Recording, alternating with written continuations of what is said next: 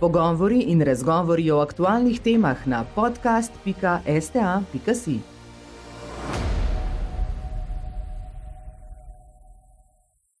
Dobrodošli pri podkastu Slovenske tiskovne agencije EU Konkretno, v okviru katerega vam predstavljamo različne vidike, programe in projekte Evropske unije ter učinke, ki jih ima na evropske državljane, tudi v Sloveniji. V tokratni epizodi bomo spregovorili o približevanju držav Zahodnega Balkana Evropski uniji in tudi vlogi Slovenije pri tem. Širitev Evropske unije na države Zahodnega Balkana se je sicer znašla v zastoju, kar je posledica širitvene utrujenosti na strani Evropske unije in pristopne utrujenosti na drugi strani. Več o razlogih za zastoje bo povedala Ana Bojinovič-Fenko, profesorica na Fakulteti za družbene vede Univerze v Ljubljani bruselskem žargonu bi rekli, da sta težava tako širitvena utrujenost kot pristopna utrujenost. To pomeni, da neka politična volja uh, ali pa Eh, izkazovanje napredka manjka tako na strani eh, Evropske unije oziroma manj komisije in parlamenta, bolj držav članic, ne, ter tudi na drugi strani ne, pristopna utrujenost pa pomeni, da države, ki so ali izrazile željo, da bi postale članice oziroma so že kandidatke, žal ne dosegajo tistih meril, ki jih Evropska unija zastavlja za to, da napreduješ v pristopnem procesu. Tako da nekako na obeh straneh smo v zadnjih, recimo, osmih letih videli um, zastoj. Um, zdaj, znanstveniki se ukvarjamo, kaj je povzročilo, kaj v praksi pa to pravzaprav ni tako pomembno, ker je bolj pomembno vprašanje, kako preseči, kako preseči uh, ta zastoj. Ja, uh, na strani Evropske unije, a ne ki na nek način politično krivdo za zastoj prevzema. Vemo, da je eh, z nastopom prejšnje sestave komisije njen predsednik eh, omenil ne, pač neko realistično ugotovitev, da širitve v času njegovega mandata ne bo, kar eh, je ne, vsem jasno bilo, ampak ne tako um, deterministično predpostavko štartati v mandat je zelo upočasnilo interes, voljo za napredek držav um, kandidatk in uh, zaradi tega so potem nekatere druge države, predvsem države članice, vodilne berlinski proces zagnale in to je pomenilo, da na neki visoki politični ravni pa je dialog vsaj obstajal, čeprav hudega napredka, a ne strani držav, kandidatk uh, in tudi drugih ni bilo. In mislim, da je to zdaj um, neke vrste sporazum, da um, več uh, več uh, političnega um, motiva tudi na strani najvišjih političnih predstavnikov pomeni večjo zavezo tako Evropske unije kot držav eh, Zahodnega Balkana, da napredujejo v procesu. Ne. In recimo ta berlinski proces se mi zdi, da je nekako hranjen v tej novi širitveni metodologiji, ki jo verjetno poznate, ki je od eh, lani, od februarja na mizi, komisija jo je pripravila. Eh, to je zelo pomemben dokument, zato ker um, naslavlja točno te težave, ki so se pojavljale tako na strani eh, Evropske unije kot na strani držav Zahodnega Balkana, eh, recimo politizacija, višja, višji politični naboj uh, uh, procesov je zagotovo ena, to, kar sem zdaj omenila. Kredibilnost je ena prva, prva ključna, ključni cilj uh, te, tega, uh, te, te oživitve širitvenega uh, procesa, tako na strani Evropske unije, ne, se pravi, če Evropska unija obljubi, da ob izkazu nekega napredka bo uh, to tudi um, pripoznala v uh, zaprtem poglavju ali pa odprtem novem poglavju, se to mora zgoditi. Ne. Vemo, da v zadnjih desetih letih najmanj na strani Makedonije je tle bil zelo, zelo nekredibilen nastop strani Unije kot celote, govorimo, ne, zaradi nekaterih držav članic. In na drugi strani seveda kredibilnost pomeni tudi zahtevanje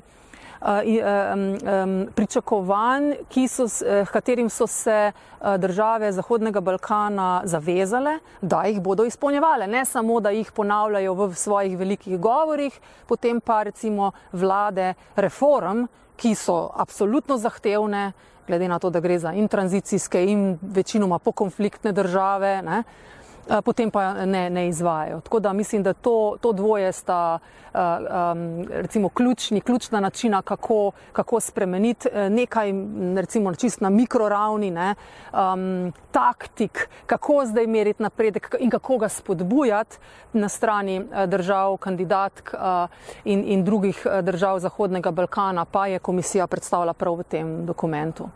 Pri približevanju Zahodnega Balkana Evropske unije pa ima pomembno vlogo tudi Slovenija, ki trenutno predseduje svetu Evropske unije.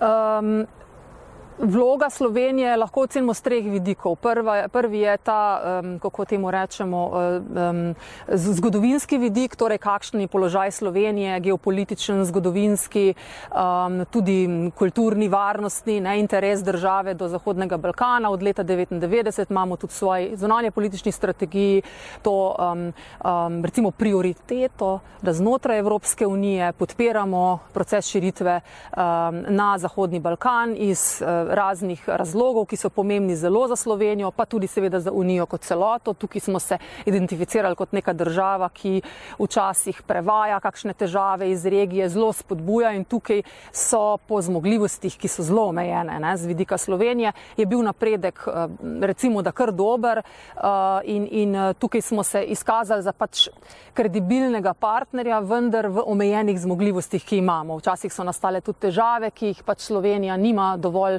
vpliva, ne, da bi jih kar sama, kar sama rešila. Ampak to je normalno, za male države. Ne. V mandatu te vlade, trenutne vlade, pa žal ocenjujem, da ta vloga ni, ni več tako kredibilna. Zelo veliko smo zgubili um, s tem, da je vlada na začetku poudarjala, da pa Zahodni Balkan se je, pri, ne, se je za nas naravna prioriteta, ampak ni edina stvar, kjer bi se mi želeli pozicionirati znotraj Evropske unije. In pri, pri čemer ni bilo jasno zastavljeno, kaj pa so ta druga področja, ne, da lahko mal pretehtaš, škoda, to je bil nekak prvi od odmik, čeprav tega zdaj v času predsedovanja ni čutiti, ker je seveda pač to ostala prioriteta, ker je neka ne, naravna agenda Slovenije. Um, normalno, verjetno pa so vsi seznanjeni z um, ne, zelo neugodnimi posledicami, ki jih je pustil ta afera z non-paperjem, kjer je Slovenija žal na nek način postala um, ena od uh, glavnih vključenih držav v razpečevanje tega dokumenta in tukaj um, ne, za, torej, politične škode jaz ne morem oceniti, ker nisem na položaju, ne, ampak z vidika tega, kar smo pa lahko zasledili um, v, go, v javnih govorih visokih političnih predstavnikih tako držav Zahodnega Balkana kot Evropske unije, pa seveda tudi v uh, kredibilnih globalnih pa regionalnih medijih, je pa škoda zelo velika, ne, ker Slovenija zagotovo nikoli ni bila država, ki bi promovirala neke etnopolitične rešitve, razdore v, v regiji. To je, to je zelo velik problem problem in ta kredibilnost Slovenije daje prevajalka zadev iz svoje nekdanje domovine, kjer pozna ljudi, pravni sistem, politiko, lokalne razmere, je v bistvu zelo, zelo zgubljena bila s tem, s tem manevrom. Ne glede na zastoje in izzive, pa Evropska unija še naprej podpira države Zahodnega Balkana z različnimi oblikami finančne pomoči. Ja, torej najbolj neposredno je Evropska unija um, že za širitveno politiko za države Srednje in Vzhodne Evrope v agendi 2000, torej tej prvi finančni perspektivi, kjer je neposredno zagotovila sredstva, s katerimi bo naslavljala države, ki želijo postati članice, um, uh, neke vrste predpristopno pomoč oblikovala. To, ti programi so se takrat imenovali za tudi so Slovenijo, ne, um, FARE, pa potem za Zahodni Balkan v drugi perspektivi CARDS. Uh, zdaj se pa enostavno imenujejo instrument predpristopne uh, pomoči, zdaj je že tretji v tej aktualni perspektivi. Um, tako da um, ta instrument je najbolj neposreden. To v bistvu zelo preprosto pomeni, da države um, kandidatke lahko kandidirajo za sredstva iz predpristopne pomoči na popolnoma enak način kot države članice, seveda iz drugih postavk eh, proračuna za notranje delovanje Evropske unije. Um, um, te postavke so namenjene z normalno krepitvi vseh eh, področji, da bodo po kebnhanskih kriterijih izpolnile uh, te, te pogoje za, za vstop v EU. To pomeni krepitev demokratičnih institucij in vsega pravne države, um, javnega naročanja določanja sistema in podobno, ne? potem, da se znajo prijavljati v sistem um, kohezijskih sredstev za um, socialne programe in seveda infrastrukturne na drugi strani ne? in predvsem, da svojo uh, javno um, oziroma v tem primeru bolj državno upravo, um, naučijo, kako efektivno, učinkovito biti članica Evropske unije. To pa seveda pomeni, da znaš črpati sredstva, kajti preprosto, verjetno je to vsem zelo, zelo dobro znano, da so vse države Zahodnega Balkana bodo ko vstopijo v Evropsko unijo, neto prejemnice sredstev iz proračuna, kar pomeni, da bodo v veliki meri odvisne kakšna bo korist članstva od tega, koliko bodo zmogle denarja za projekte črpati. Ne? In tukaj ni, um, kako bi rekla, neke um, premosorazmernega učinka. Zdaj smo člani, zdaj pa mlet in, met in mleko. Ne? To, kar veliko krat v javnosti um, nekako spregledamo. Ne? Kot država članica in mora, mora imeti država za svojo uh, upravo zelo dobre sposobnosti uh, izkoristiti priložnosti, ki jih članstvo ponuja. Te priložnosti so avtomatske, ampak izkoriščanje priložnosti pa žal ne in je treba tukaj znanja pridobiti. Ne? Recimo ena od novosti v tem zadnjem um, paketu predpristopne pomoči je ravno fokus na eh, sistem javnega naročanja, da tukaj države eh, Zahodnega Balkana um, okrepijo svoje um, zmogljivosti administrativne in seveda se držijo tudi pravil, um, pravil ki omejujejo oziroma preprečujejo korupcijo in, in podobno. Recimo, en način, kako lahko država kandidatka ali država prosilka izkorišča pomoč, predpristopno pomoč je, da um, um, temu se reče twinning v slovenščini, nimamo nekega, nekega drugega izraza, ne? to pa pomeni, da recimo z eno drugo državo, državo članico Evropske unije ob njeni pomoči, njenega administrativnega osebja, političnega svetovanja ali pa čist pravnega, vsebinskega tega svetovanja uh, popravlja svojo ali zakonodajo ali določene postopke ali uh, recimo ima um, um, proces učenja, um, um, da prilagaja zakonodajo svojo uh, evropski. Pogojev za to uh, ni drugih za enkrat bilo, kot pač da je država uspela se na tak recimo razpis prijaviti. Se pravi, so bili bolj administrativni. Ne? Zdaj pa, kolikor sem jaz razumela to novo uh, metodologijo, bo pa Evropska komisija lahko tudi presojala, ali so države z vidika recimo drugih um, um, kriterijev. Um, stabilnih institucij, pravne države, um, spoštovanja človekovih pravic in svoboščin, um, naredile dovolj napredka, da se tudi recimo prijavijo na, na um, razpis iz, iz, drugih, iz drugih področji. Uh, tako da to po pravici povem še pa ne vem, kako um, konkretno bo delovalo in to pogojevanje ne, tega. To bo verjetno tudi praksa zelo pokazala. To je IPA 3. To, kar sem zdaj, vse, kar sem predstavljal, v bistvu je IPA 3 oziroma Instrument of Pre-Accession Aid Več o samih projektih Twinning in TAEX nam bo povedala Maja Dimkovski-Engelman z nacionalne kontaktne točke. Evropska komisija je oba instrumenta, in Twinning in TAEX, uh, uh, v bistvu uh, promovirala ali pa, če rečem tako, v bistvu uh, jih uh, ustanovila ne, z namenom, da bi pomagala državam, uh, ki se vključujejo v EU uh, še uh, v bistvu leta 96 oziroma 98. Uh, TAEX uh, letos praznuje 25. obletnico, se pravi, je bil prvi instrument leta 96 uh, ustanovljen, uh, medtem ko twinning projekti so potem pa sledili uh, kasneje.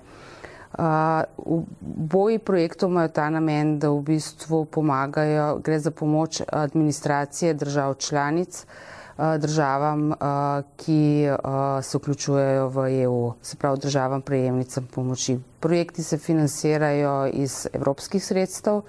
To pomeni, da se za ta namen, za namene projektov, določ, da je denar v instrumentu za predstopno pomoč, IPI, ki uh, je uh, uh, že v bistvu, to, ta pomoč se nudi že od leta 2003 v okviru teh instrumentov.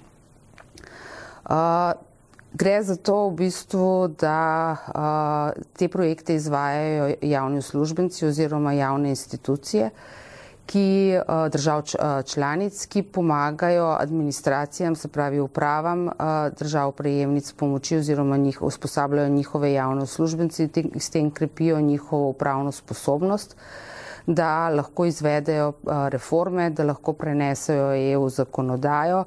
Da lahko to zakonodajo tudi izvajajo, vse z namenom, da pač nekoč te države postanejo članice Evropske unije. Ta instrument se je zelo izkazal v bistvu tisti veliki širitvi, v kateri je bila tudi uh, Slovenija. In uh, je zato se pač kasneje prenesel tudi na uh, uh, druge države, s katerimi uh, Evropska unija sodeluje. To je na države sosedske politike in pa do, nedavno tudi na države, ki se financirajo iz instrumenta za razvojno sodelovanje. Razlika med tema dvema instrumentoma je v tem, da je TAEX bolj kratkoročna pomoč in je v bistvu njena odlika tega instrumenta, da v bistvu je zelo hitra odzivnost na potrebe države prejemnice.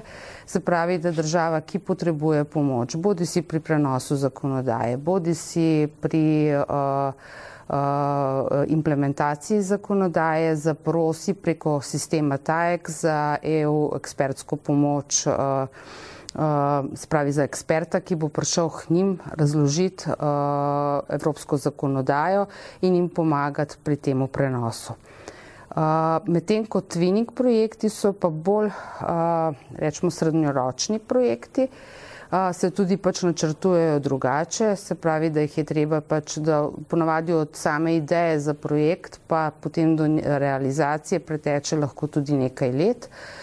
So pa, se pa izvajajo med šest, šest mesecev in pa tri leta, odvisno od velikosti projekta, predvsem pa odvisno od tega, koliko denarja je za posamezne cilje določeno. Tudi razlika je tudi v tem, da TAEX uh, izvajajo posamezni javni uslužbenci, medtem ko uh, pri twinning projektih je pa uh, cela ekipa strokovnjakov pod vodstvom projektnega vodje, uh, ki tesno sodeluje s projektnim vodjo na uh, strani države prejemnice pomoči in uh, pač uh, oboji skupaj skušajo doseči uh, cilje projekta. Uh, v bistvu pogoj ali pa rečemo temu, da je uh, pravilo, da v uh, uh, teh projektih sodelujejo javni službenci. Seveda pa obstajajo tudi izjeme in to pomeni, da se lahko uh, neke zasebnike, neke pač strokovnjake, ki, so, ki delujejo v zasebnem sektorju, bodi si profesorje tudi na fakultetah, ker oni se pač po EU teh pravilih ne štejejo za, uh, javni, uh, za, za javne uslužbence. Čeprav v Sloveniji vemo, da so tudi oni javni uslužbenci. Za njih jih je pa možno vključiti po posebnimi pogoji. Pri TAEX-u je to takrat, kadar v državi članici Evropske unije ni to vrstnega strokovnjaka in tudi recimo tudi same države članice za to vrstno pomoč najemajo zunanje strokovnjake. Pri twinning projektih je pa približno enak pogoj. Uh, je pa uh, tam tudi možnost v bistvu za sodelovanje tako imenovanih povlaščenih organov, kjer pa uh, dejansko v bistvu je pomembno to, da te institucije, ki so recimo del zasebnega sektorja ali pa so recimo niso tisti oži krok državne uprave, ampak sodijo recimo v, v javni sektor, se pravi javni zavodi, javne agencije, da so pristojni za bodi si za, za zakonodajo evropsko, tako za, za, za, za njeno predpisovanje, kot tudi recimo za izvajanje te zakonodaje. V projektih je zelo aktivna tudi Slovenija. Slovenija je od uh, uh, od vstopa v Evropsko unijo do zdaj sodelovala v 60 projektih, twinning projektih, od tega jih je 55 na, v državah Zahodnega Balkana. In trenutno se potegujemo, smo pač se prijavili na razpis še za en dodatni projekt, ki se ne bi se izvajal v Srbiji. Trenutno smo aktivni v treh twinning projektih, dve, dveh v Makedon Severni Makedoniji in enemu v Srbiji. TAEX je, so pa slovenski strokovnjaki eni bolj aktivnih strokovnjakov v EU-ju do začetka pandemije uh, koronavirusa je Slovenija sodelovala, uh, so slovenski strokovnjaki uh, poprečju izvedli 100 do 150 aktivnosti v okviru TAEX-a letno. Zelo velika številka, ker so slovenski strokovnjaki zelo iskani, predvsem v državah Zahodnega Balkana, tam je tudi naša prisotnost eh, bolj okrepljena. Seveda pa sodelujemo tudi v projektih, ki se izvajajo v državah sosedske politike oziroma v, v TAEX. Uh, teh, mi rečemo temu, dogodkih, ne, ker TAEX je možno izvajati uh, na uh, različne načine. Uh, eden od načinov je recimo uh, to, kar sem že na začetku omenila, pač, da se pošilja strokovnjake v državo prejemnico, se pa tudi organizirajo delavnice in pa študijski obiski v državah članicah Evropske unije. Seveda v, v času pač, uh, pandemije teh obiskov ni. Uh, tako da se v glavnem izvajajo delavnice in pa, uh, in pa um, te uh, tako, re, tako rečene misije, ampak te misije potekajo tako, da ljudje sedijo za svojimi računalnikami in se v določeni uri pač srečajo na medmrežju. Sodelujemo na različnih področjih. Če se vrnem recimo nazaj na twinning projekte, smo uh, trenutno najbolj aktivni na področju notranjih zadev tam je tudi pač, zelo pomembno to pač sodelovanje tudi v, v, v, v, glede varnosti in pa glede pač drugih elementov, kot so pač migracije, kot so, kot so pač vsi ti varnostni vidiki ki, in izzivi, ki pač so trenutno v EU-ju aktualni. Drugače pa področje tudi kmetijstvo notranji trg. Pač v bistvu vsa statistika je zelo pomembno področje, ker smo, ker smo zelo aktivni in še bi lahko naštevala. Projekti pa niso pomembni le za države, ki se želijo pridružiti Evropske uniji, ampak imajo od njih korist tudi države članice, ki sodelujejo v njih. To sodelovanje je v bistvu na osebni ravni posameznika zelo pomembno. Prvič daje neko mednarodno širino. Eh, javnemu službencu, kar pomeni, da v, v bistvu uh, sodeluješ tudi z drugimi administracijami, ko pa prideš v eno državo in ker moraš pač razložiti svoj sistem, se ti pa odpirajo, bom kratko po domače rekla, tudi vse ideje, kako popraviti svoj lastni sistem, ki ga imaš. Ne. Se pravi, ko ti nekomu razlagaš, kako smo mi urejeni, primerjaš to z evropsko zakonodajo, vemo, da pač evropsko zakonodajo je možno na različne načine prenesti v v um, pa, pra, svoj domači pravni red in pa, pač potem tudi izvajati. Uh, lahko v bistvu prideš nazaj obogaten z dodatnimi idejami, z dodatnimi, uh, pač kako izboljšati tisto, kar je doma.